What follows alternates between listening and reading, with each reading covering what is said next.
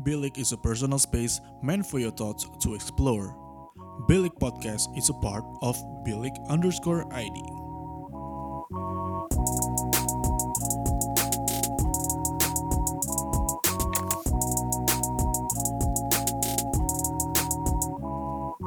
Bilik, your thoughts matter. Bilik Sebat. Yes, balik lagi di Bilik Sebat. Hari ini kembali lagi sih gue ditemenin sama Floreta. Hai Reta. Halo. iya, jadi uh, gue kembali ngajak Reta karena kayaknya pembahasan yang minggu lalu cukup menarik ya. Minggu lalu, dua minggu lalu cukup menarik dan rasanya enak aja gitu ngobrol sama Reta. Uh, selain itu juga Pak Hokage, Pak Hokage kita, si Vigo. iya, dia udah masuk tesis ya, jadi agak su agak sulit lah untuk diajak uh, bikin konten bareng. Dan gue juga nggak mau mengganggu uh, tesis dia sih, jangan sampai tesis tesis dia keteteran gara-gara ngurusin bilik, ya nggak? Yo, nah, oke. Okay pembahasan hari ini terinspirasi dari drama Korea yang barusan gue nonton. Tapi saya tebak kawan-kawan. Tapi sebenarnya filmnya udah lama sih. Dan setelah gue nonton ya, uh, lima episode pertama, gue sampai terengah-nganga, terengah-nganga. Iya, sampai sampai speechless banget gue. Dan gue tuh tipe orang yang kalau nonton drama, gue suka analisa sendiri gitu kan. Terus setelah gue analisa, ternyata, ternyata, oh ternyata drama ini penuh dengan ketoksikan. Bisa tuh, kalian bisa tebak gak itu drama apa? Kereta mau nebak mungkin? Teletabis. Oh, wow. Teletabis. Teletabis. Gak guys, gak, bukan Teletabis. Jadi drama yang baru gue nonton setelah hype sekian lama itu adalah The World of the Marriage. Eh, the World of the Marriage? The World of Marriage. Marriage. Oh, Merit. Oke. Okay. Itu, guys. Dan itu yang tadi gue bilang, waktu gue nonton itu, lima episode pertama, emosi gue naik turun.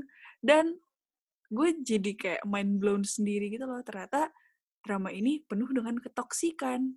Either itu toxic ke relationship antara pacar atau suami istri atau toxic yang lainnya juga. Ternyata toxic bukan cuma ke pasangan loh. Toxic bisa bisa ke teman. Teman. Ke banyak hal. Yes, bisa ke banyak hal. Oke. Okay. Jadi gue pengen ngebahas soal toksiknya dulu nih sebelum kita masuk ke toxic relationship itu sendiri. Kalau menurut Reta, toxic relationship itu apa sih? Hmm, menurut gue uh, pasti menurut uh, kalau misalnya orang-orang dengar toxic relationship itu pasti banyak yang relate ke misalnya oh, dia sama pacarnya atau apa. Tapi menurut gue uh, toxic relationship itu nggak cuma sebatas karena oh lu pacaran sama cowok yang toxic gitu atau cewek yang toxic enggak. Tapi bisa aja di kehidupan sehari-hari lu misalnya mungkin aja sama temen.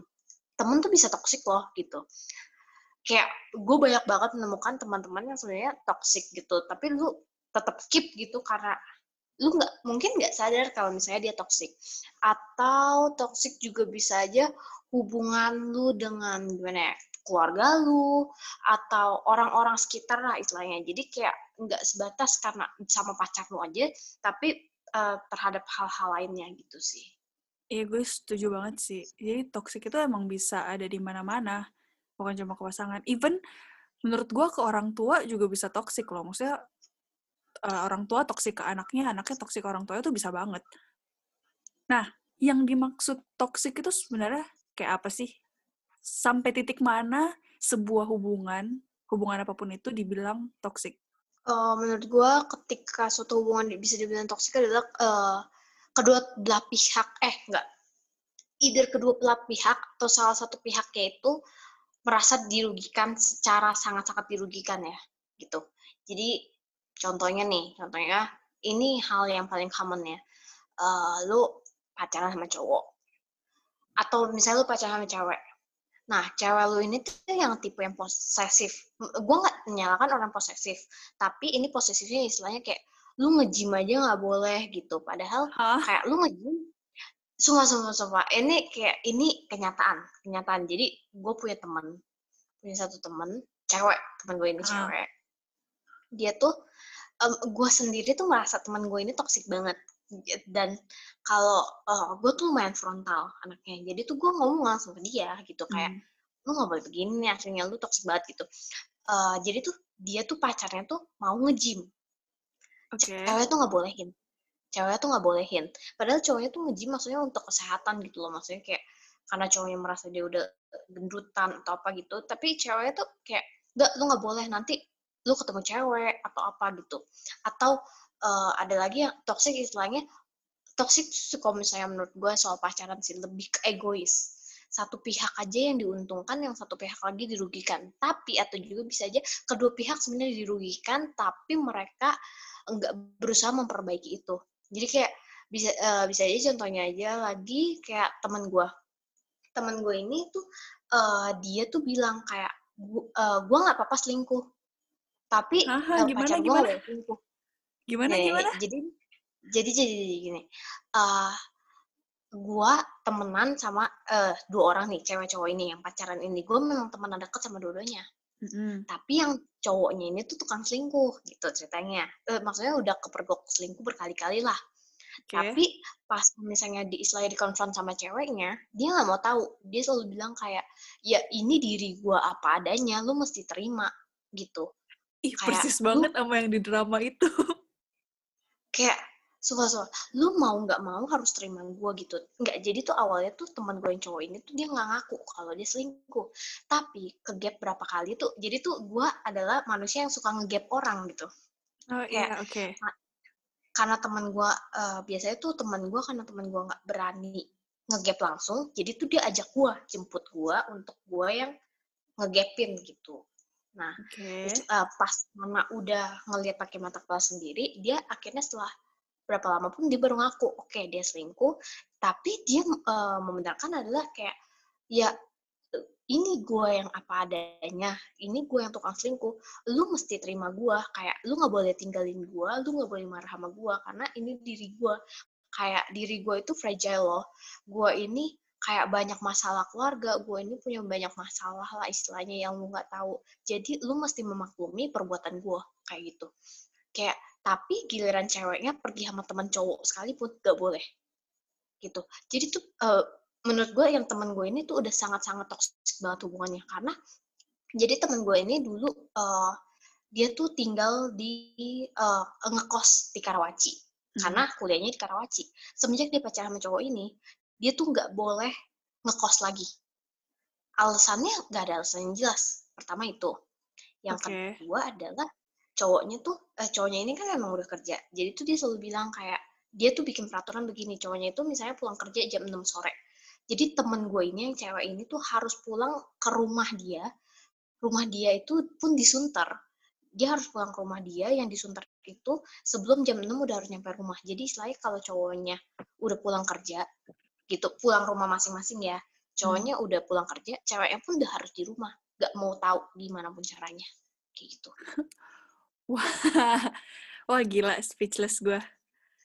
ya maksudnya memang sebenarnya kalau misalnya dibilang toxic banyak hal loh yang bener-bener toxic banget kayak gitu menurut gue itu sih udah toxic mentok banget gitu. Tapi walaupun kayak gitu temen gue tetap bertahan sama dia tuh hampir tiga tahun dua tahunan lebih lah gitu.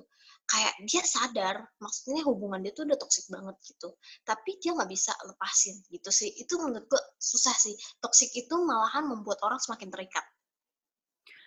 Kayaknya, mu- kayaknya bukan membuat orang semakin terikat deh, tapi karena kedua belah pihak tuh merasa diu- diuntungkan dengan adanya satu sama lain. Ya Jadi ya kalau mau lepas rasanya nggak nggak bisa aja gitu sayang gitu. Sama yang kayak pembahasan kita dua minggu lalu. yang minggu mm-mm. Iya. Dan ini gue pernah denger dari bukan seminar sih kayak webinar gitu tentang toxic relationship juga. Pembicaranya ini seorang psikolog dan dia ngomong toxic itu nggak bisa cuma satu orang, pasti dua orang.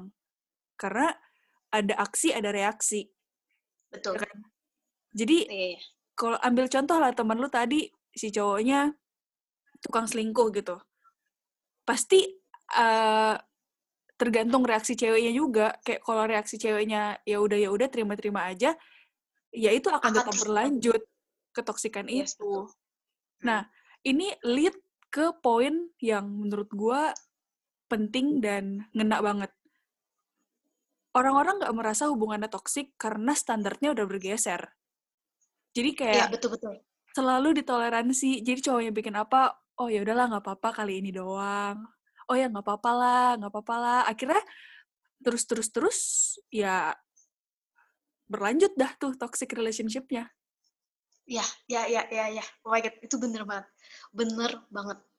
Kayak gue pernah dengar dari ada eh, teman gue yang koko-koko gue gitu. Hmm. Eh, dia tuh bilang gini ke gue kayak eh, jangan gue baru nyad gue tuh pernah berada di posisi yang lumayan toksik lah sebenarnya tapi gue tiba-tiba lumayan kalau misalnya gue udah lumayan sadar hmm ini nggak bener nih gitu atau kayak ini akhirnya nggak baik gue akan langsung udahin sih sekarang gitu. Jadi kayak eh, lebih sadar ke mana kayak ketika hubungan toksik adalah eh, lu tuh standar lu tuh lu turunin standar tuh yang Yes. tadinya di mana lu akan terus turunin untuk menyamakan. Benar. menyamakan ke pasangan lu. Menyamakan ke pasangan lu. Tapi karena eh, lu selalu turunin standar lu itu terus terusan lu makin turun kesenangan lu pun semakin berkurang. Kenapa? Karena ekspektasi lu pun semakin jatuh. Karena standar lu itu yang turun gitu. Yes, benar banget. Dan hal ini juga menurut gua tidak berlaku hanya untuk pasangan uh, romantic relationship ya, tapi sahabatan juga bisa jadi kayak gitu. Iya, iya. Kayak Iya, semua iya, hal benar-benar. ditoleransi. Kayak misalnya misalnya nih, lu ngelakuin satu kesalahan, terus gue kasih tahu nih ke lu, tapi lu nya kayak ya nggak mau denger. Terus gue yang kayak oh ya udahlah dia sahabat gue nggak apa-apa, gue terima aja. Ya lama-lama itu kan bakal ketumpuk-tumpuk-tumpuk dan nggak pernah dikeluarin karena takut menyakiti perasaan temannya. Iya. Jadinya ya untuk apa kalian temenan? Kalau temenan hanya untuk happy-happy doang, ngapain lu sahabatan? Iya, iya, iya, itu benar. Ah, benar. Itu Bener sih, bener kalau misalnya lu nggak tentang romantic relationship aja, tapi soal temenan pun kayak gitu.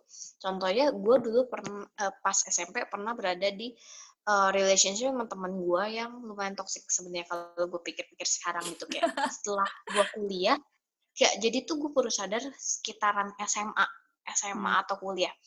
Jadi tuh dulu tuh gue SMP sama SMA itu tuh beda sekolah oke. gitu beda sekolah tapi maksudnya masih di lingkungan yang sama tapi beda sekolah gitu Eh gue pindah sekolah nah pas SMP itu tuh dulu tuh gue ada temenan sama beberapa orang kayak satu kelompok tuh bersembilan lah intinya gitu eh tapi ya gue bener-bener baru sadar belakangan ini adalah iya ya dulu hubungan gue toksik banget jadi tuh eh gue gue eh, gue lumayan di antara teman-teman gue itu gue lumayan yang paling pintar Gitu. Asik, asik. Ya. soalnya, soalnya sekolah SMP gue jelek banget guys. Gak boleh gitu. Itu sekolah lu loh.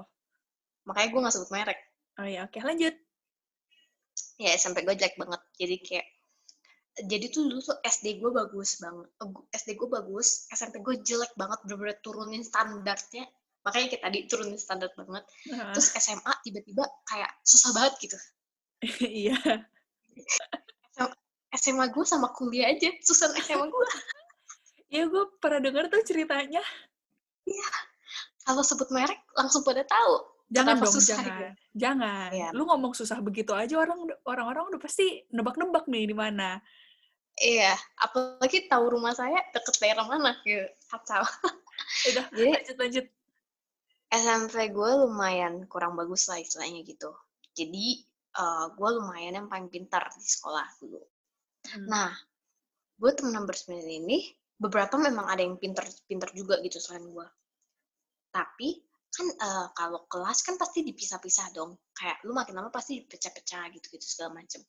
Gue temenan sama temen-temen gue ini, eh gue sering banget di- eh, kasih eh, istilahnya contekan ke mereka Oke. kasih contekan ke mereka, maksudnya kayak PR nih ada PR gitu, gue kerjain gini-gini segala macam, gue udah kerjain, mereka belum kerjain, oh yaudah gue kasih. Kenapa? Karena pemikiran gue saat itu, oh yaudahlah teman gue, walaupun terkadang tuh kayak eh, mungkin ya dulu-dulu mungkin gue ada pernah pikiran kayak ah nih orang nggak ngerjain dulu atau apa tapi karena gue mikir kayak ya udahlah temen gue ya gue selalu kasih gitu gue selalu kasih selalu kasih uh, walaupun kadang ada beberapa pelajaran yang lu nggak bisa nyontek itu nggak boleh nyontek tapi hmm. mereka tetap nyontek gitu. Uh, tapi tetap gue kasih karena gue pikir mereka temen gue tapi setelah sekian lama kayak berapa tahun gitu gue kepikir ih uh, eh, gue tuh semacam kayak dimanfaatin karena karena karena gini. Jadi kayak berapa bulan lalu lah sekitar berapa bulan lalu atau oh enggak tahun lalu uh, tahun lalu benar-benar 2019 sekitar akhir gue ketemu sama temen gue salah satu yang tukang nyontek sama gue ini terus tuh intinya dia cerita sama teman-teman gue yang lain lah yang nggak satu sekolah gitu dia cerita dulu gue sama dia SMP gimana terus itu tuh dia cerita intinya istilahnya kayak iya flow flow itu kan bahan contekan. Jadi Wah. kayak istilahnya gue di ngerti gak? Gue dimanfaatkan yeah, yeah. untuk con dicontekin. Tapi yang gue tangkep saat dulu gue SMP itu, gue kasih ke mereka tujuannya memang oh yaudah mereka temen gue bukan karena gue bahan contekan lu pada coy gitu. Hmm. bukan karena gue bisa gue buka yang bisa lupus untuk kasih contekan enggak. Karena gue mikir uh, lu temen gue oh yaudah gue kasih. Dan gue yang termasuk yang pasti bener jawabannya. Jadi kayak ya udah gitu. Gue mikir kayak gitu. Tapi hmm. ternyata yang gue bersadar adalah oh temen gue nggak mikir gue begitu. Ngerti gak sih? Kayak ya dulu Flo kan suka diambilin terus dipaksa ambil contekan. Dan gue pas saat itu adalah langsung nangkep gila anjir banget nih orang anjir sumpah. Kayak so gue saat itu gue muak banget bener, -bener. gue panas banget itu di sana. Gue langsung nyot gue langsung nyotin kayak gila lo ya uh, gue kasih eh, gue nggak pernah dipaksa itu loh dipaksa untuk kasih gue selalu langsung kasih jadi jangan mikir soal gue push over gitu kayak yang kayak lu saya anaknya aja gitu kayak enggak kok gue bukan yang itu gue kasih karena kemauan gue kasih gitu. Hmm. jadi jangan menganggap diri lu superior gitu. Gue itu panas banget pas saat itu dan gue langsung nangkep gila itu dulu gue temenan toxic banget. Bener-bener toksiknya toxic banget karena kayak mereka banyak memanfaatkan gue untuk banyak lah gitu banyak cara uh, memanfaatkan bukan tentang pelajaran aja ya tapi memanfaatkan hal-hal lainnya gitu. Hmm. dan setelah gue pikir-pikir gila gue tuh temenan banyak banget dimanfaatin kayak ngapain gue temenan gitu gue kayak babu doang bangsat kok kayak gitu mah. Weh, bahasanya dijaga tolong. Tahu tahu anda emosi tapi nggak usah begitu dong. Nggak apa-apa nggak apa-apa juga sih sebenarnya. Kayak jujur aku denger cerita lu berasa ini banget sih berasa kaget banget sih karena ya kalau gua boleh bilang lingkungan pertemanan gua sama Reta sama dua temen gua yang lainnya menurut gua itu adalah pertemanan yang lumayan sehat. Karena kalau kita nggak suka kita ngomong. Hmm. kalau ada yang berbeda pendapat ya kita debatin gitu loh. Tapi bukan debatin yang saling saling ngejatuhin. Tapi ya kita kasih sudut pandang kita gitu loh. Kayak hmm. sudut pandang misalnya gue sama Reta bertengkar nih.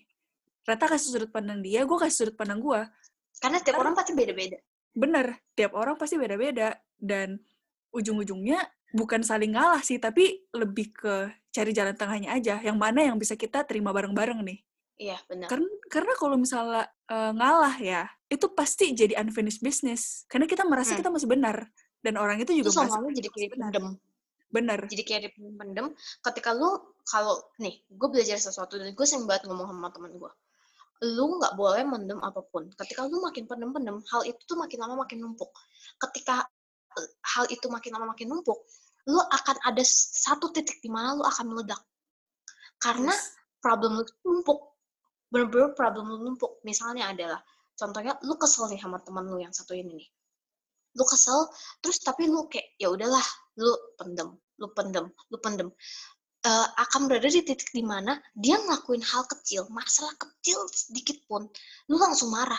Kan kenapa lu bisa langsung uh, lu langsung bawa langsung kesel sama dia? Karena tuh selama ini segala masalah tuh lu pendem lu pendem lu yes. pendem lu pendem makin lama tuh makin enak sama dia dan akan berada di titik puncak adalah lu ngamuk sama dia ketika lu ngamuk sama dia temen lu itu nggak akan bisa nerima lu kenapa karena temen lu akan mikir kenapa sama ini lu nggak pernah ngomong sama gue karena apa? Kayak ketika masalah kecil lu baru perdebatin sama gue kenapa? Kenapa nggak dari dulu ngomong? Nah itu yang menurut gue lama-lama bikin lu sama temen lu tuh kayak eh, nggak uh, temenan lagi tuh karena hal itu sih. Yes bener banget. Karena kurang komunikasi. Nah gue jadi kepikiran nih gimana sih cara kita mendeteksi adanya toxic relationship. Kalau dari gue, bukan dari gue sebenarnya dari webinar yang gue ikutin waktu itu, ada gap antara ekspektasi sama realita. Hmm. Jadi kita sadar nih kayak ada kayak ekspektasi kita misal anggaplah 70, tapi yang kenyataannya realitanya cuma 30. Sisanya itu gak ada yang mau mengalah gitu loh. Misalnya uh, balik lagi gue sama Reta lagi bertengkar.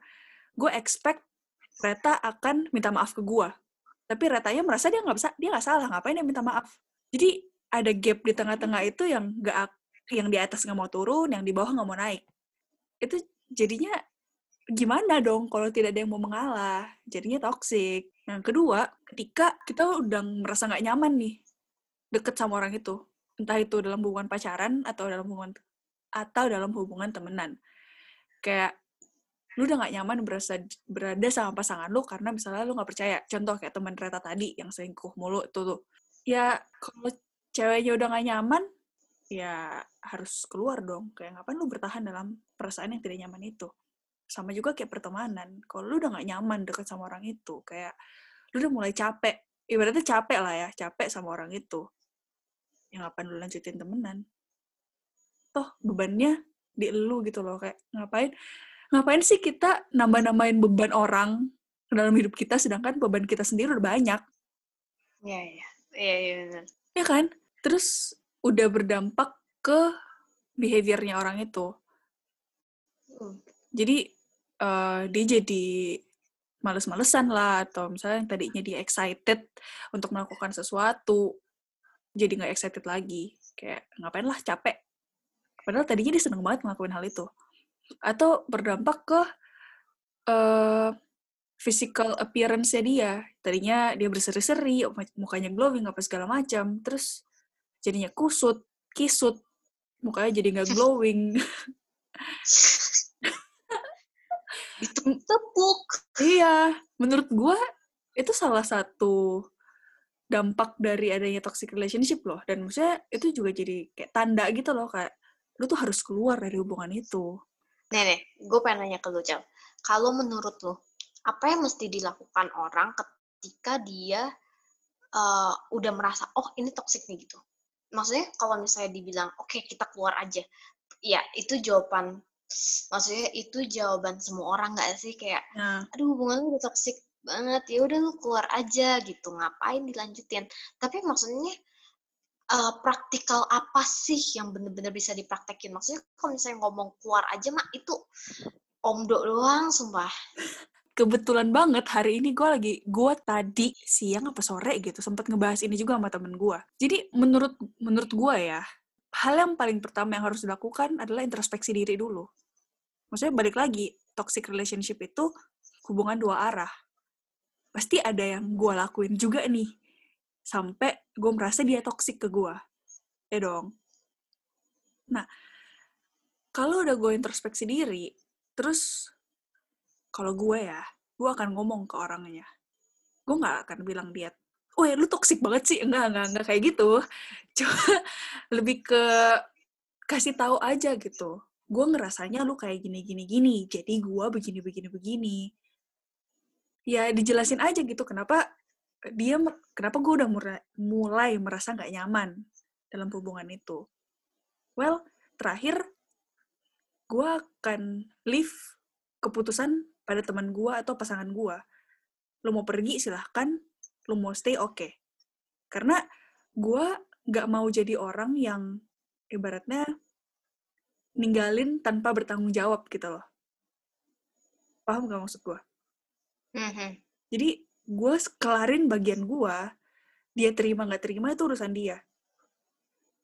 Contoh kalau misalnya dia sahabat gue dia melakukan sesuatu dan gue udah kasih yang terbaik nih yang gue bisa.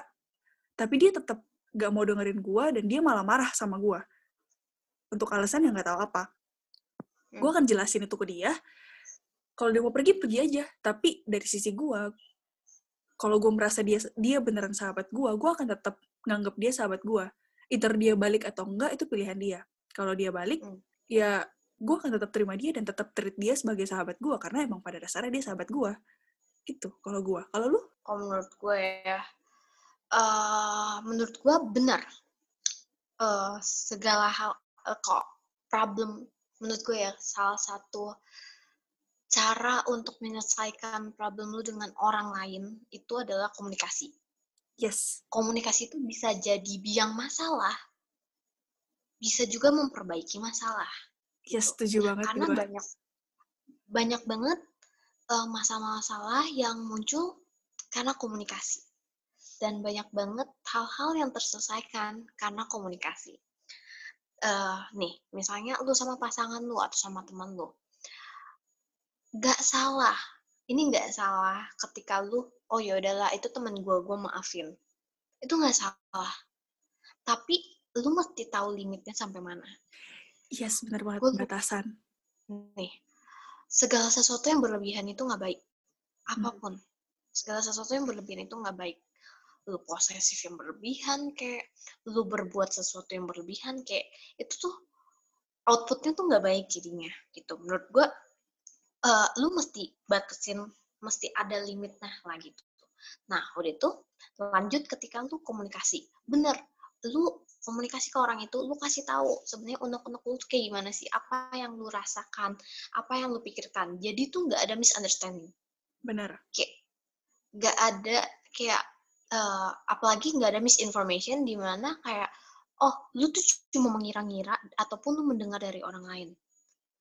Gue gue tuh berprinsip adalah gue tuh ketika punya masalah sama orang lain gue harus kayak face to face sama itu orang itu atau maksudnya denger langsung dari mulut orang itu gue nggak Hmm. bisa menyelesaikan masalah cuma dari mulut orang lain karena biasanya ketika lu denger em, maksudnya lu berusaha menyelesaikan masalah tapi melalui orang lain atau lu dengar informasi dari orang lain biasanya tuh ada apa ya ada informasi-informasi yang berlebihan sedikit atau berkekurangan sedikit gitu ada bumbu-bumbunya lah Iya, ada istilahnya bumbu. yang.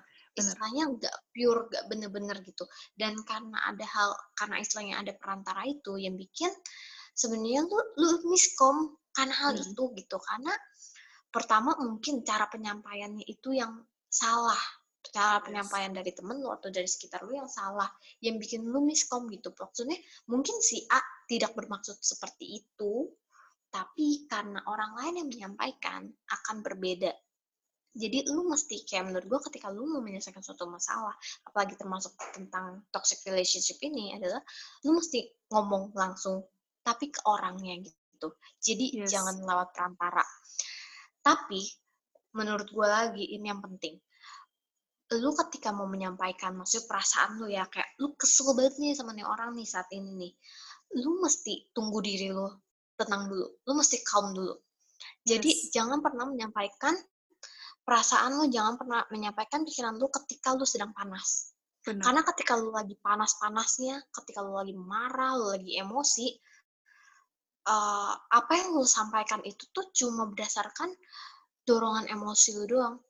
Hmm, ketika emosi lu uh, uh, turun pasti ada beberapa kata-kata lu atau beberapa ya yang kalimat-kalimat lu ke orang itu yang lu pikir kayak tau gitu gue nggak usah ngomong hal ini ya gitu. Kayaknya gue berlebihan di, di sisi ini di sisi ini gitu. Kayak jadi ketika lu menyampaikan sesuatu jangan lu mesti kepala dingin dulu. Lu nggak boleh pas saat panas lu nyampeinnya karena hasilnya tuh outputnya nggak akan baik gitu. Setuju jadi kayak gua. menurut gue adalah lu mesti kayak tahu limit lu, lu mesti komunikasiin apa pun masalah lu, apalagi tentang pasangan ya, itu lu mesti banget kayak dikit-dikit lu ngomong lah gitu, jadi jangan lu tumpuk. Yang ketiga adalah lu ketika lu komunikasi pun, lu mesti tahu waktunya, lu mesti tahu kapan waktu yang tepat untuk lu komunikasi. Jangan ketika lu emosi atau eh, mungkin partner lu yang emosi, jangan. Yes. Jangan banget jangan ketika partner lu emosi juga. Karena ketika partner lu yang emosi dan lu ngomong dia tuh nggak akan bisa nerima karena benar. dia emosi orang akan bertindak orang akan percaya apa yang dia mau percaya.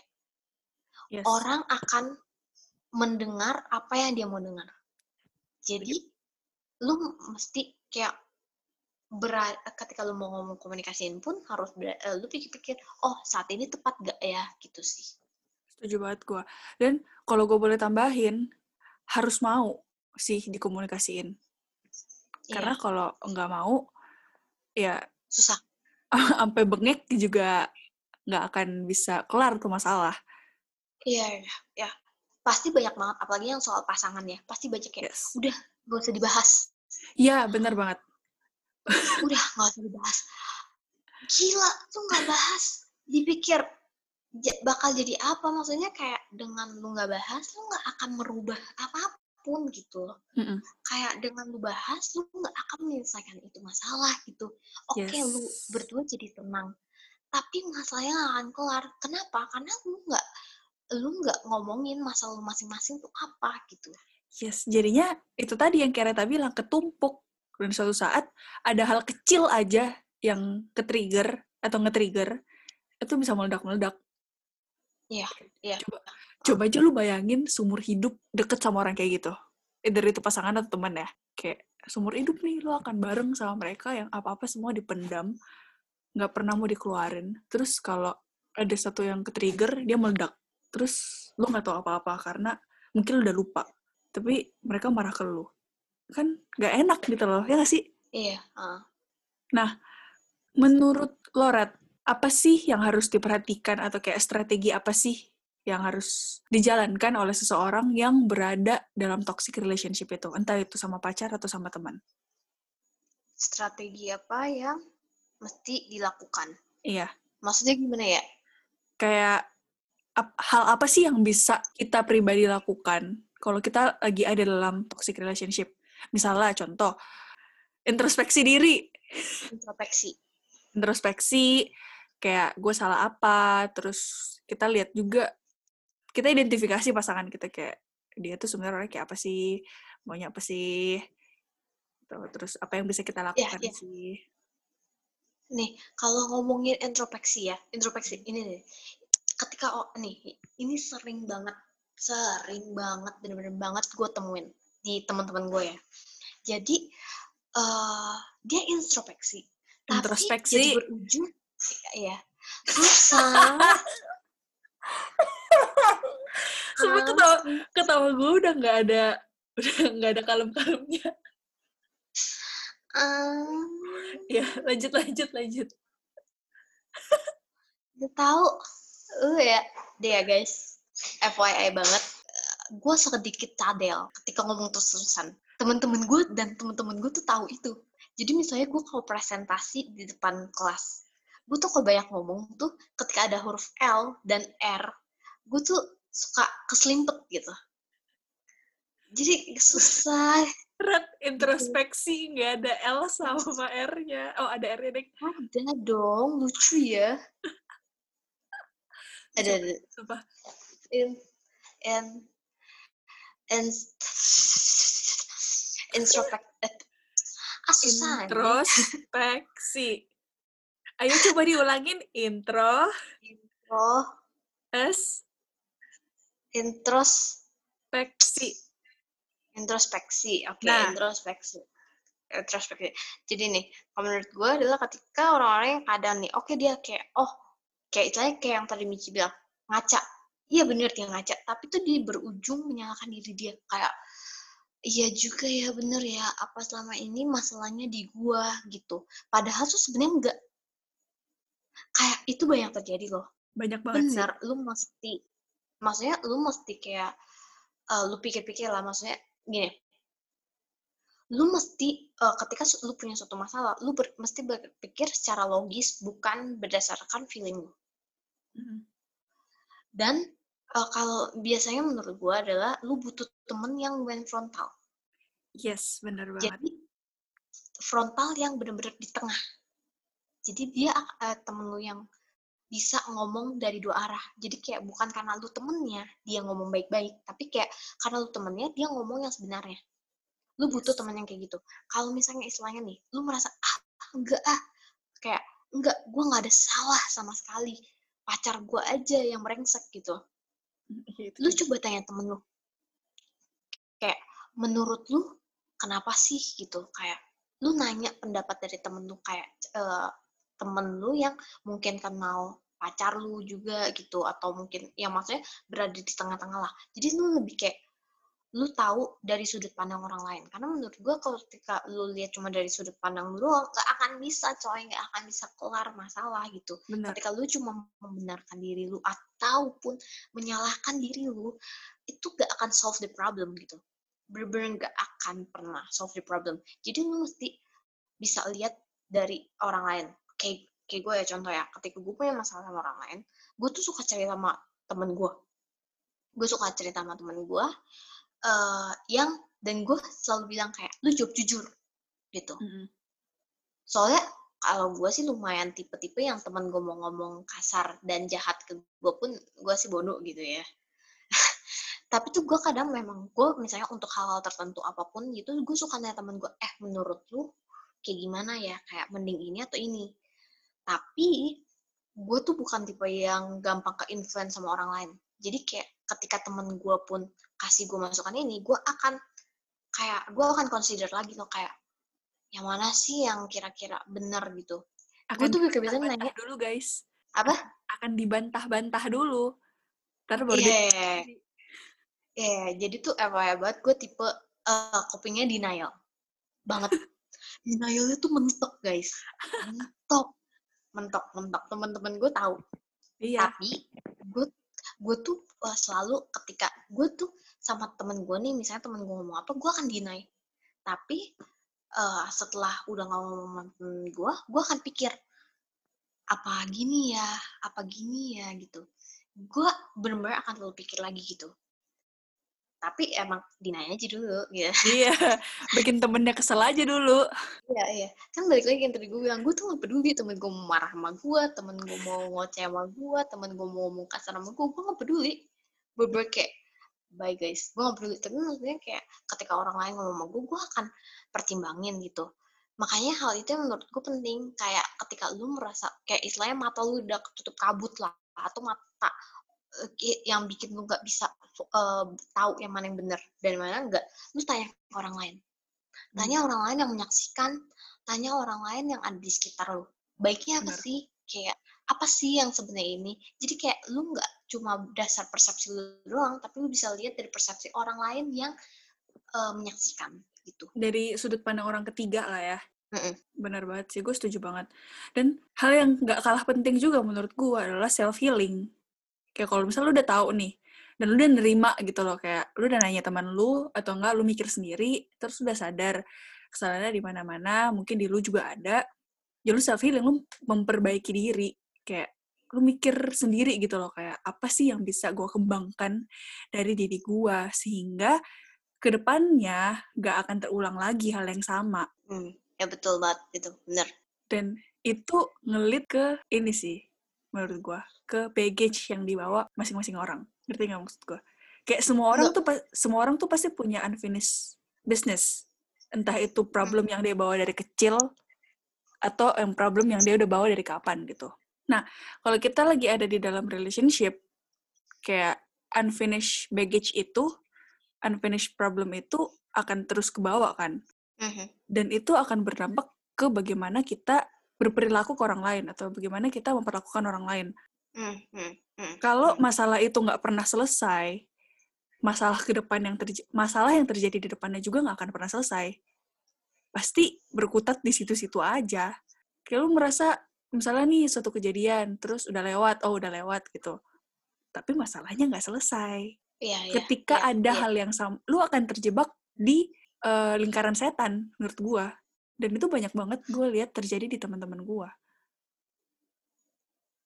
Kayak dia mikir dia udah kelar selesai satu masalah, tapi ternyata dia got into another relationship dengan masalah yang sama. Yes, betul. Gue sedih banget sih, jujur gue sedih banget kayak ngeliat kayak gitu dan ujung-ujungnya temen gue jadi stres sendiri karena merasa kayak kok permasalahannya selalu sama, selalu sama. Ya, baggage-nya nggak pernah dikelarin. Kalau kayak menurut gue ya, ini nyambung sama yang sebelumnya kita ngomong yang standar diturunin.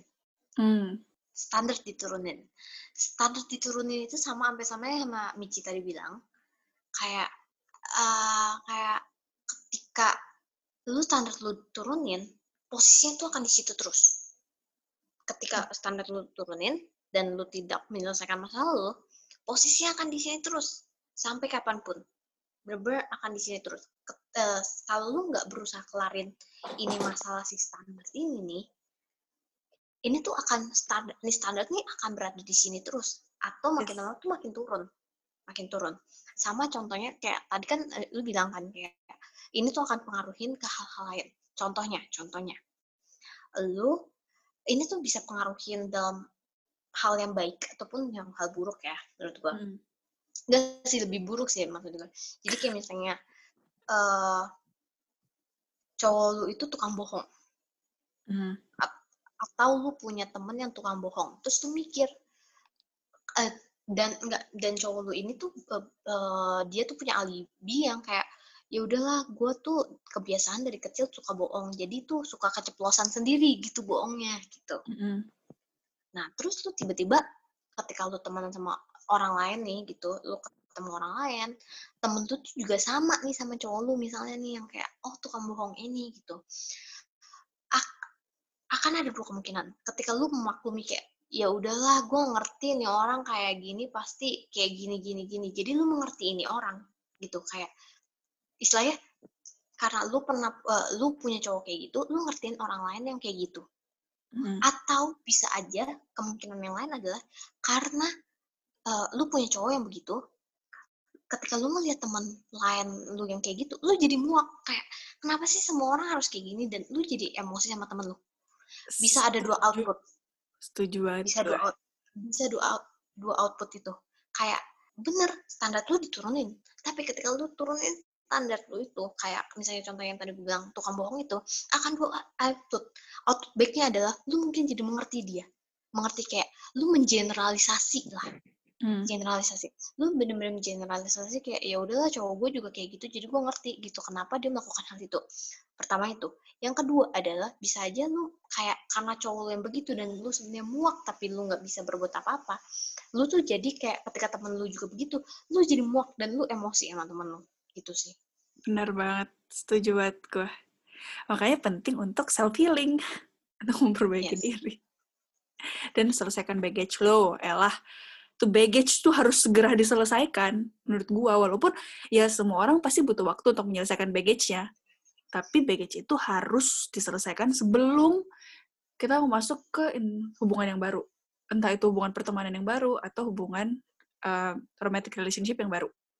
Karena kasihan Hmm. pasangan lo gak sih? hmm. Oke, gue pengen ngomongin toxic relationship lain, tapi di luar teman dan pacar, yaitu toxic parent.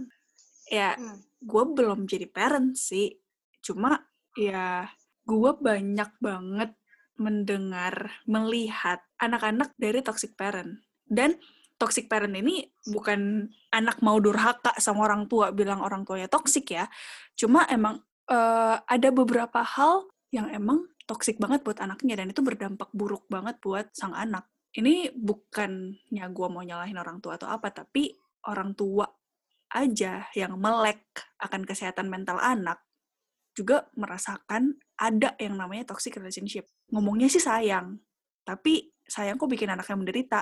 Contohnya, katanya sayang, tapi selalu dibanding-bandingin sama orang lain dan gak pernah dipuji. Terus alasannya adalah supaya dia berkembang Yes. Padahal, ya, gue ngomong sebagai anak ya, kalau gue punya orang tua yang kayak gitu, gue gak akan berkembang kalau terus dibandingin. Orang apa yang gue berhasil aja gak pernah dipuji, gak pernah dilihat, terus ngapain gue nunjukin lagi? Sama aja. Gue berhasil gak berhasil, sama aja. Yang Iya, kedua, katanya sayang, tapi gak pernah peduli anaknya ngerasain apa. Dimarahin alasannya mulu kebebasan dimarahin mulu, dikatain mulu, salah dikit dibentak-bentak. Kayak, Iya. ya, gue ngomong sebagai anak lagi ya, gue kalau digituin, gue sebagai anak bukannya takut, malah hilang respect. Tapi beda lagi, misalnya tipe orang kan beda-beda ya. Kalau gue, mungkin gue akan jadi hilang respect. Karena gue adalah penganut, kalau mau direspect, ya kita harus respect orang juga. Ternyata Iya. ngangguk-ngangguk doang. Gue jadi kayak ngomong, gue jadi kayak ngajar gitu loh.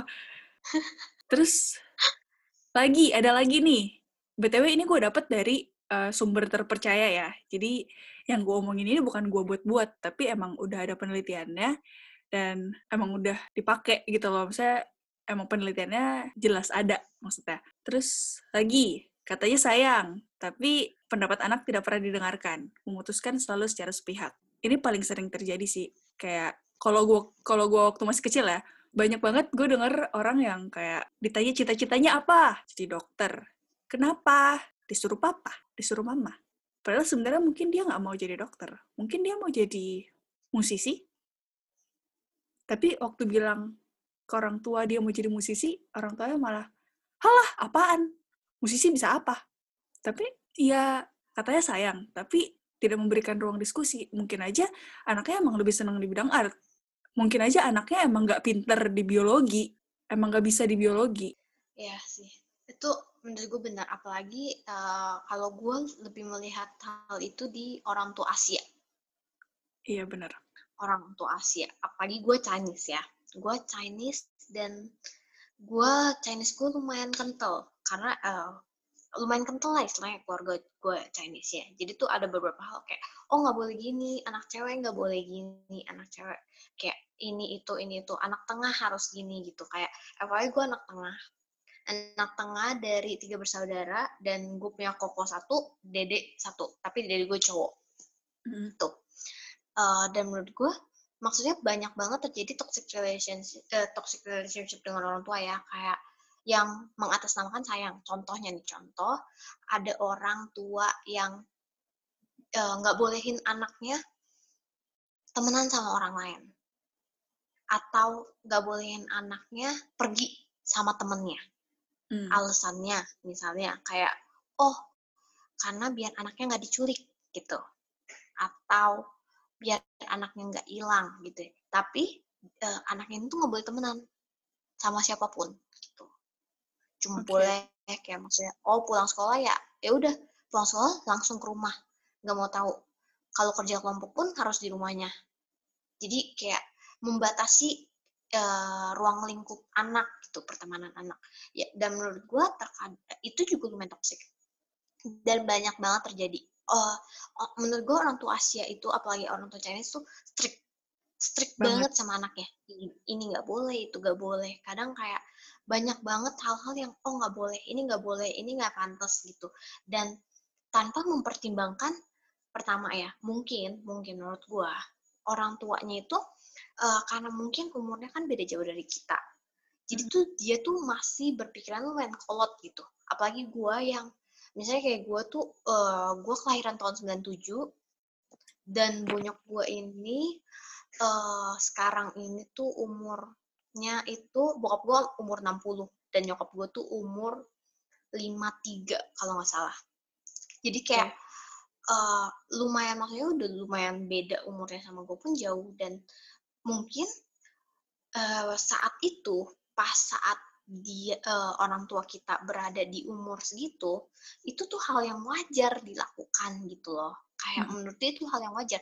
Tapi mungkin bonyok lu pada kayak tidak mempertimbangkan masa sekarang yang lebih banyak berkembang banyak hal yang berubah banyak hal-hal yang mungkin dulu pantas dilakukan dan sekarang enggak gitu maksudnya pasti banyak hal-hal yang berbeda dan mungkin bonyok lu tuh belum bisa adjust terhadap hal-hal yang berubah itu.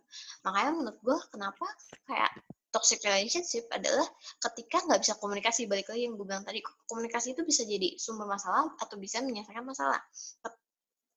Penting adanya komunikasi terhadap anak benar penting banget kayak antara orang tua dan anak. Penting bagi anak untuk menyampaikan pendapat dia dan penting bagi orang tua menyampaikan pendapat orang tua. Bukan jadi bukan anak doang yang didengar tapi orang tua yang didengar jadi menurut gue adalah ketika kayak anaknya kasih pendapat ke orang tuanya dan orang tua bisa mempertimbangkan hal itu. Tapi anaknya juga mesti dengerin pendapat orang tuanya. Jadi kayak misalnya bonyoknya ngelarang dia melakukan sesuatu nih melarang dia melakukan A. Bonyoknya tuh mesti kasih tahu reasonnya yes. apa sampai nyokap eh, bonyoknya itu tuh kayak eh, nggak uh, bolehin anaknya ini. Mesti kasih tahu uh, alasannya apa biar anaknya ngerti.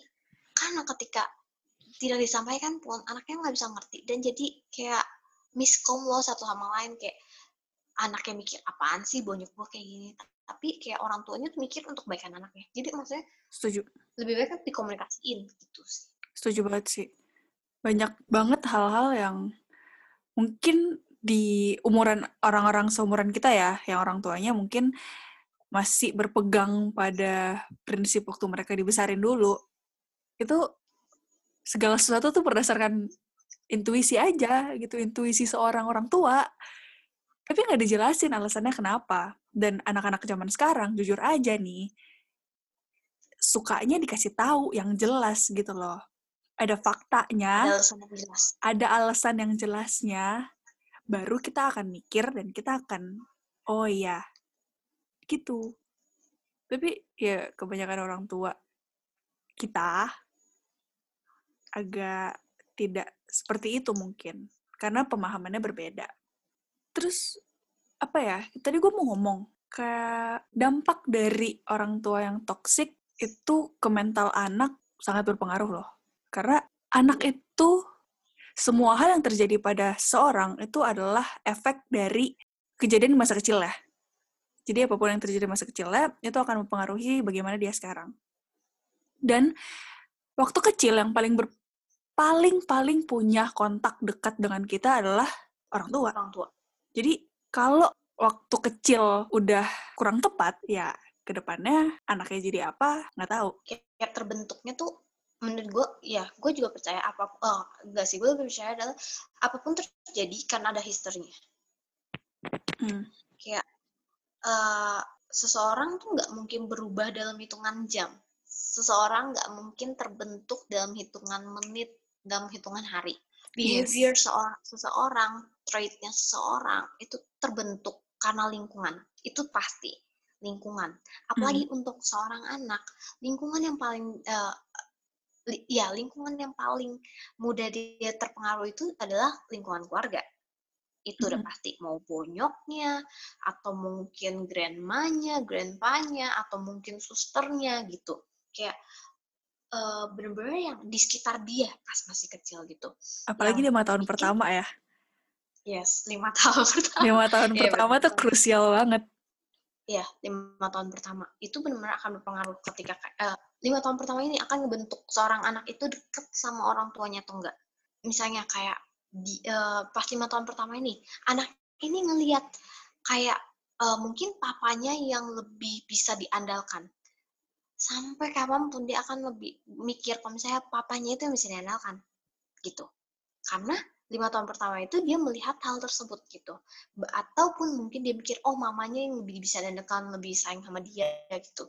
Dan itu akan berlanjut ke masa depannya. Nah, Yes. balik lagi yang tadi kita ngomongin kayak toxic parents atau toxic relationship atau misalnya orang tua yang strict segala macam yang bikin toxic lah istilahnya gitu karena karena kurang komunikasi. Menurut gua outputnya itu akan ada dua. Pertama, anak itu akan terbentuk menjadi anak yang rebel. Hmm.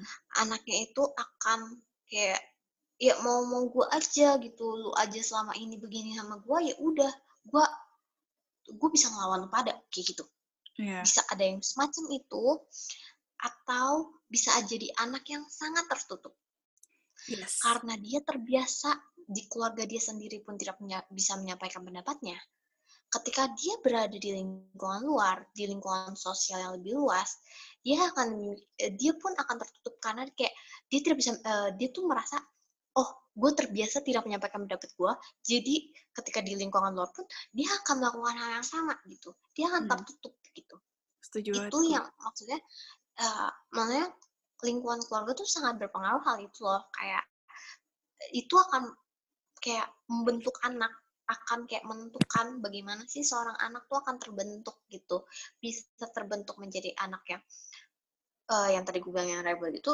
atau menjadi anak yang tertutup kayak untuk orang tua yang strict ya menurut gue ya Setuju banget gue. Terlalu strict dan terlalu neglect menurut gue itu baik itu bener-bener kalau bisa dihindari aja karena kasihan anaknya. Ya, Balik lagi gue di sini kita berdua, gue sama di sini ngomong bukan untuk menyalahkan parenting style orang tua ya, tapi ini dari yang kita pelajari dan apa yang terjadi di sekitar kita. Berhubung kita berdua sarjana psikologi. Tapi kalau menurut gue ya, eh, gini, gue tuh dulu tuh belajar, eh, gue tuh masuk kelas kesehatan mental lah istilahnya. Dan eh, kesehatan mental itu penting. apalagi untuk umur-umur kita karena umur kita itu berada di tahapan emerging adulthood di mana kita berada di masa peralihan dari remaja dan ke benar-benar dewasa yang lebih dewasa lagi gitu maksudnya Yes. gitu tahapan kita adalah tahapan di mana kita pegang tanggung jawab yang lebih besar dibandingin tahapan kita di remaja Mm-mm. menurut gua oke benar ketika uh, kesehatan mental itu penting loh apalagi soal keluarga gitu. Kayak misalnya orang tua segala macem kayak orang tua tuh nggak boleh terlalu menelantarkan anaknya atau yang terlalu strict banget sama anaknya. Tapi tapi menurut gua ketika anak misalnya seumuran kita nih atau udah mulai remaja nggak remaja sih susah sih jadi seumuran kita menurut gue ya kayak kita nggak bisa menyalahkan orang tua kita sepenuhnya menurut gua. Benar. balik lagi kita mesti kayak karena kita tahu orang tua kita kayak gini kita harus lebih ngerti. Dan maksudnya selama misalnya kayak gue nih gue wow 22 tahun. Selama gue 22 tahun gue kayak harus lebih ngerti sih gimana sih cara ngadepin orang tua gue apa yang baik dan apa yang buruk yang eh, apa yang boleh dan tidak boleh gue ucapkan atau lakukan depan orang tua gue gitu. Mm. jadi kayak bukan cuma sebatas lu menyalahkan kayak ya gue begini karena orang tua gue enggak loh gini. Setuju. nih lu lu pada mesti tanamin dalam hidup lu pada. Hidup lu pada bukan hidup orang lain tapi hidup yang punya lu pada sendiri. Hidup lu pada apa pun every decision yang lu buat itu berpengaruh dalam hidup lu. Bener-bener berpengaruh cuma buat hidup lu sendiri. Misalnya nih lu kayak pengen berbuat semena-mena eh seenak-enak aja. Atau misalnya contoh yang tadi nih kayak gua kuliah eh, karena orang tua gue yang suruh nih misalnya gitu. Kayak nggak boleh jadi musisi tapi jadi dokter misalnya gitu. Gini oke lu mungkin mikir ya udah gue seenak-enaknya aja gitu. Kayak kan orang tua gue yang suruh ini masuk dokter jadi gue seenak-enak aja. Kayak gue belajar seenak-enak gue nggak mau belajar segala macam terserah. Tapi gini lu pada mesti pikir eh itu masa depan masa depan pada ketika lu ber, eh, melakukan hal itu lu ngerusak masa depan lu sendiri lu bukan Benar. ngerusak masa depan orang tua lu. Oke lu kayak orang tua lu jadi kecewa. Tapi yang paling terpengaruh adalah masa depan lu sendiri. Jadi kayak lu mesti tetap lebih pikir lah. Apa yang umur kita lu eh, udah bisa mikir logis lah. Lu bukan pikiran remaja ataupun kayak yang masih labil gitu. Lu udah mantep lah istilahnya gitu lumayan mantep gitu. Jadi kayak lu mikir bukan cuma menyalahkan dari pihak orang tua aja yang mungkin menelantarkan lu. Oke orang tua lu menelantarkan menelantarkan lu tapi itu tidak menjadikan alasan yang kuat. Menjadikan alasan untuk lu menghancurkan diri lu sendiri gitu. Baik yang tadi gue bilang apa pun yang berlebihan itu nggak baik. Ber- Yes. apa pun yang berlebihan itu nggak baik. Contohnya orang tua yang berlebihan berlebihan striknya atau berlebihan kayak nelantarin anaknya itu nggak baik gitu. Dan sama kayak lu ketika lu berlebihan terhadap diri lu sendiri atau lu berbuat kayak ya seenak-enak sama diri lu secara berlebihan dan tidak memikirkan konsekuensi nantinya itu tuh nggak akan baik buat diri lu sendiri gitu sih Benar. Dan balik lagi sih ke aksi reaksi tadi. Jadi tadi gue juga sebelum nggak sih sebenarnya gue udah researchin dari lama. Coba baru ditulis tadi aja sebelum take. Gue research apa aja sih yang bisa seorang anak lakuin ketika dia punya orang tua yang toxic. Well, sebagai anak kita tetap harus menghormati mereka karena mereka orang tua kita. Dan again kita nggak bisa milih kita lahir di mana kan. Jadi kita ya harus tetap menghormati. Tapi mungkin yang bisa dilakukan oleh anak-anak yang punya orang tua toksik adalah satu menciptakan batasan. Yang kedua, kalau memungkinkan bisa minta bantuan orang terdekat untuk ngomong sama orang tua. Atau bisa ke eh, bantuan profesional kalau emang udah sangat dibutuhkan atau kalau emang kalian merasa perlu untuk ke bantuan profesional. Well, kalau kalian di bawah umur 17 tahun, orang tua kalian mau nggak mau pasti terlibat. Karena keputusan akan tetap diambil sama orang tua kalian. Dan itu kesempatan untuk psikolog atau profesional itu ngomong ke orang tua kalian. Terus yang ketiga adalah take care of yourself. Kayak lu tuh harus banget, harus harus banget eh, take care of yourself, take care sama diri lu sendiri. Karena kalau lu punya pendirian ya, bukan pendirian sih, kayak kalau lu merasa orang tua lu udah toksik banget dalam hidup lu, tapi lu nggak punya pendirian dan ya udahlah, ya udahlah, ya udahlah, mau sampai kapan gitu. Kayak lu sadar lu pengen berubah, tapi lu biarin aja gitu. Kayak ya udah ya udah ya udah. Mau sampai kapan? Terus kalian juga harus pahami kalau perubahan itu nggak instan dan harus datang dari diri masing-masing, termasuk orang tua kalian. Kalau orang tua kalian toxic, ya lo nggak bisa berharap kayak habis ngomong terus mereka mendadak berubah ya nggak bisa. Sama kayak Reta pasti orang-orang orang-orang tuh kayak apalagi orang tua pride-nya tinggi. Jadi lo ngomong apa pasti mereka dinai dulu. Enggak, enggak kayak gitu, enggak kayak gitu. Tapi ya mungkin mereka akan mikir juga gitu loh. Kayak anak gue ngerasa kayak gini, anak gue mikir kayak gini. Gue seharusnya kayak gimana ya? Ya balik lagi, itu harus datang dari, dari dalam diri sendiri. Maaf ya kalau misalnya kata-kata gue menyinggung atau kata-kata gue kurang tepat, tapi ya gue pengen ngomong secara gamblang aja gitu. Karena ini masalah yang cukup sering terjadi, apalagi di Indonesia. Terus yang menurut gue paling penting yang harus kita lakuin adalah jadikan itu pelajaran biar tidak terulang ke anak kita nanti. Eh, bener. Gue pengen nambahin sih. Uh, menurut gue ya, how to deal with toxic parents gitu. Kayak menurut gue adalah yang tadi yang gue bilang kayak komunikasi. Lu mesti komunikasiin. Maksudnya gini, ketika lu kasih tahu unek-unek lo, ataupun lu nggak kasih tahu nih gini, ketika lu kasih tahu, hasilnya itu akan 50-50. 50-50 di mana kayak orang tua lu bisa menerima atau orang tua lu nggak bisa menerima. Tapi ketika lu tidak menyampaikan lu punya unek-unek, kayak hasilnya tuh 100%. 100% orang tua lu gak akan pernah tahu. Gitu. Jadi menurut gue kayak, ya give a shot aja, man. Give a shot kayak, ya udah coba aja kayak chance-nya juga 50-50 gitu loh kayak it doesn't matter gitu kalau misalnya lu ngomong gitu hasilnya juga 50-50 dan ketika lu ngomong malahan 100% orang tua lu nggak bisa terima. Jadi kayak ya nggak ada salahnya coba mau nyokap bonyok lu marah kayak atau kayak nggak apa-apa silakan dicoba. Yang kedua adalah menurut gue lu but misalnya orang tua lu nih udah toxic ya toxic mentok banget gitu. Udah toxic mentok yang kayak gak mau tawan banget orangnya. Lu butuh support system lain Setuju. Nih, ini yang perlu diperjelas. Ini yang perlu diperjelas. Lu butuh support system bukan tempat lu bergantung. Setuju. Lu butuh orang yang bisa bersa lu butuh tempat sandaran bukan tempat bergantung. Menurut gue itu dua hal yang berbeda ya. Hmm. Lu bersandar. Misalnya lu nyender ke orang. Nih, misalnya contoh ya. Lu nyender sama orang, akan uh, tapi itu tuh tetap pakai badan lu sendiri gak sih? Kayak ketika lu nyender sama orang lu nggak bisa nih kayak angkat badan lu lagi ya gak sih? Hmm. kayak lu nggak akan jatuhin badan lu sepenuhnya ketika lu nyender sama orang. Tapi ketika lu gantung lu gantung nih misalnya lu iket tangan lu di dia ketika dia narik tuh atau apa pasti lu ketarik gak? Iya. pasti dong gitu.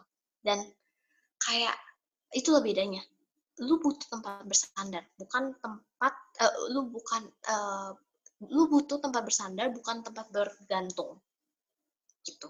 Jadi kayak lu butuh support system yang bisa nge-support lu tapi bukan jadi uh, batu sandungan lu yang lain gitu.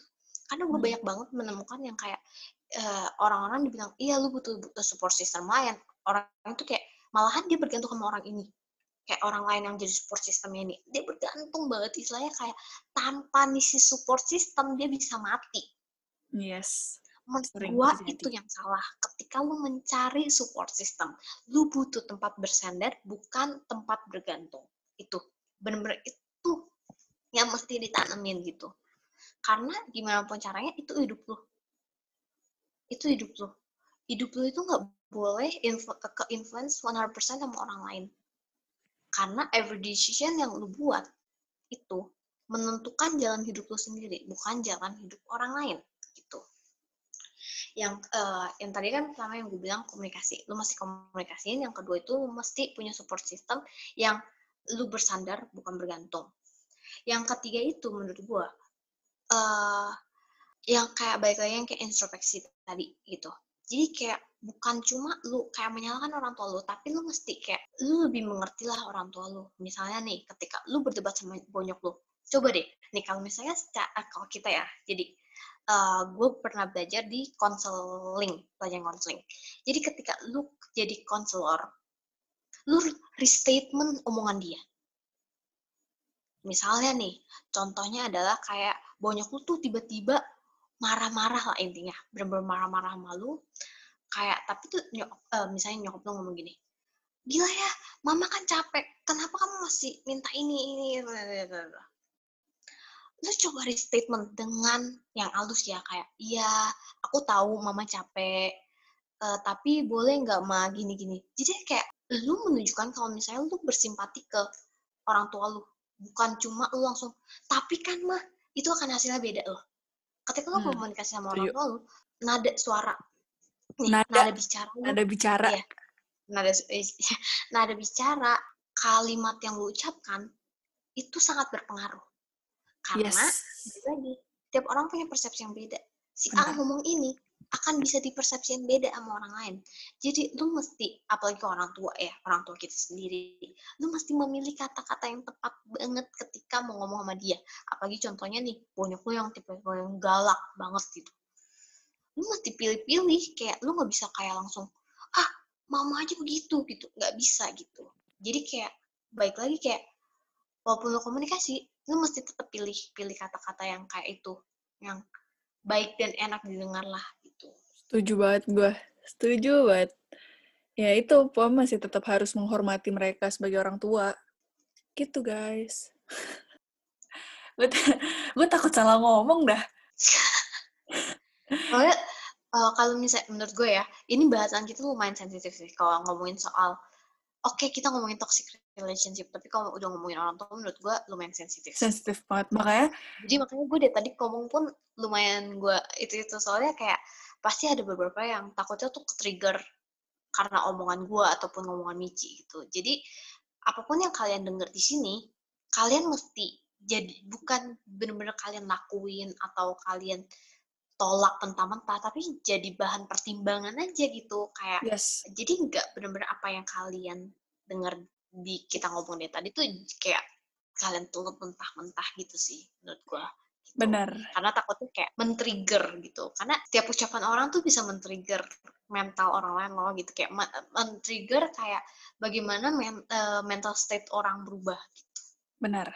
Ya, sebenarnya bukan cuma omongan kita di sini sih, tapi kayak apa pun yang kalian dengar dari internet, dari media sosial itu harus dipilah-pilah dulu. Nggak bisa diterima 100% nggak iya. nggak bisa ditolak gak, 100% tuh nggak internet atau sosial media aja sih kayak misalnya kalian nonton TV kayak gitu uh. atau misalnya uh, nggak usah uh, berbau media lah. Berbau lingkungan pun.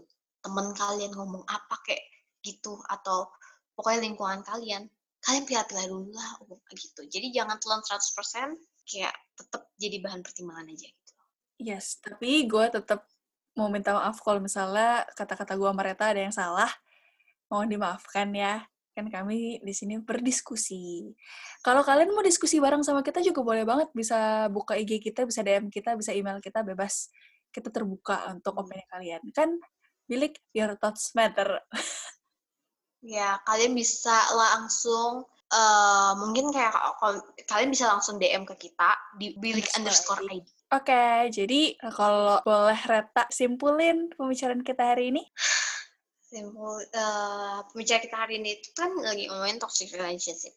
Toxic relationship itu uh, ketika uh, itu tuh masalah tuh bukan cuma satu pihak aja, tapi uh, mencakup kedua belah pihak.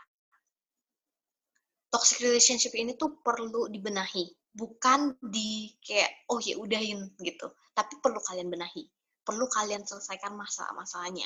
Jadi kayak yang tadi, misalnya selesai dengan cara komunikasi, dan sebagainya gitu. Ataupun self healing dari diri kalian sendiri. Mesti kalian mesti kayak ngaca dulu lah sendiri gitu. Kayak oh gue udah bener nggak ya? Apa sih yang mesti gue lakuin dan enggak? gitu.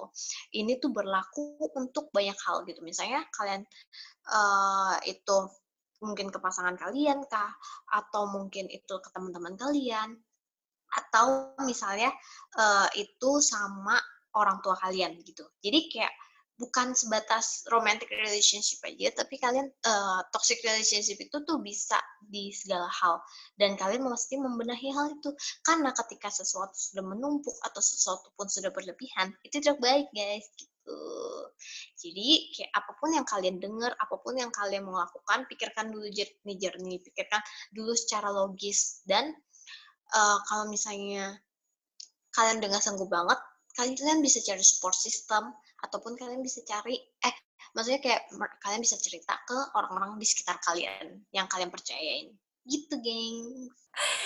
Ya udah kalau gitu kita akhiri juga podcast kita hari ini ini udah jam setengah satu malam kenapa sih Red tiap kali kita podcast tuh selalu tengah malam kapan pernah sama Viko juga bener sih Duh emang pada kalong-kalong dah semuanya. Iya, anak-anak bilik. Aduh. anak-anak bilik adalah uh, night owl. Kami aktifnya di malam hari. Enggak sih. Gue udah ngantuk sebenarnya. Yaudah, dadah! Bilik is a personal space meant for your thoughts to explore. Bilik Podcast is a part of Bilik underscore ID.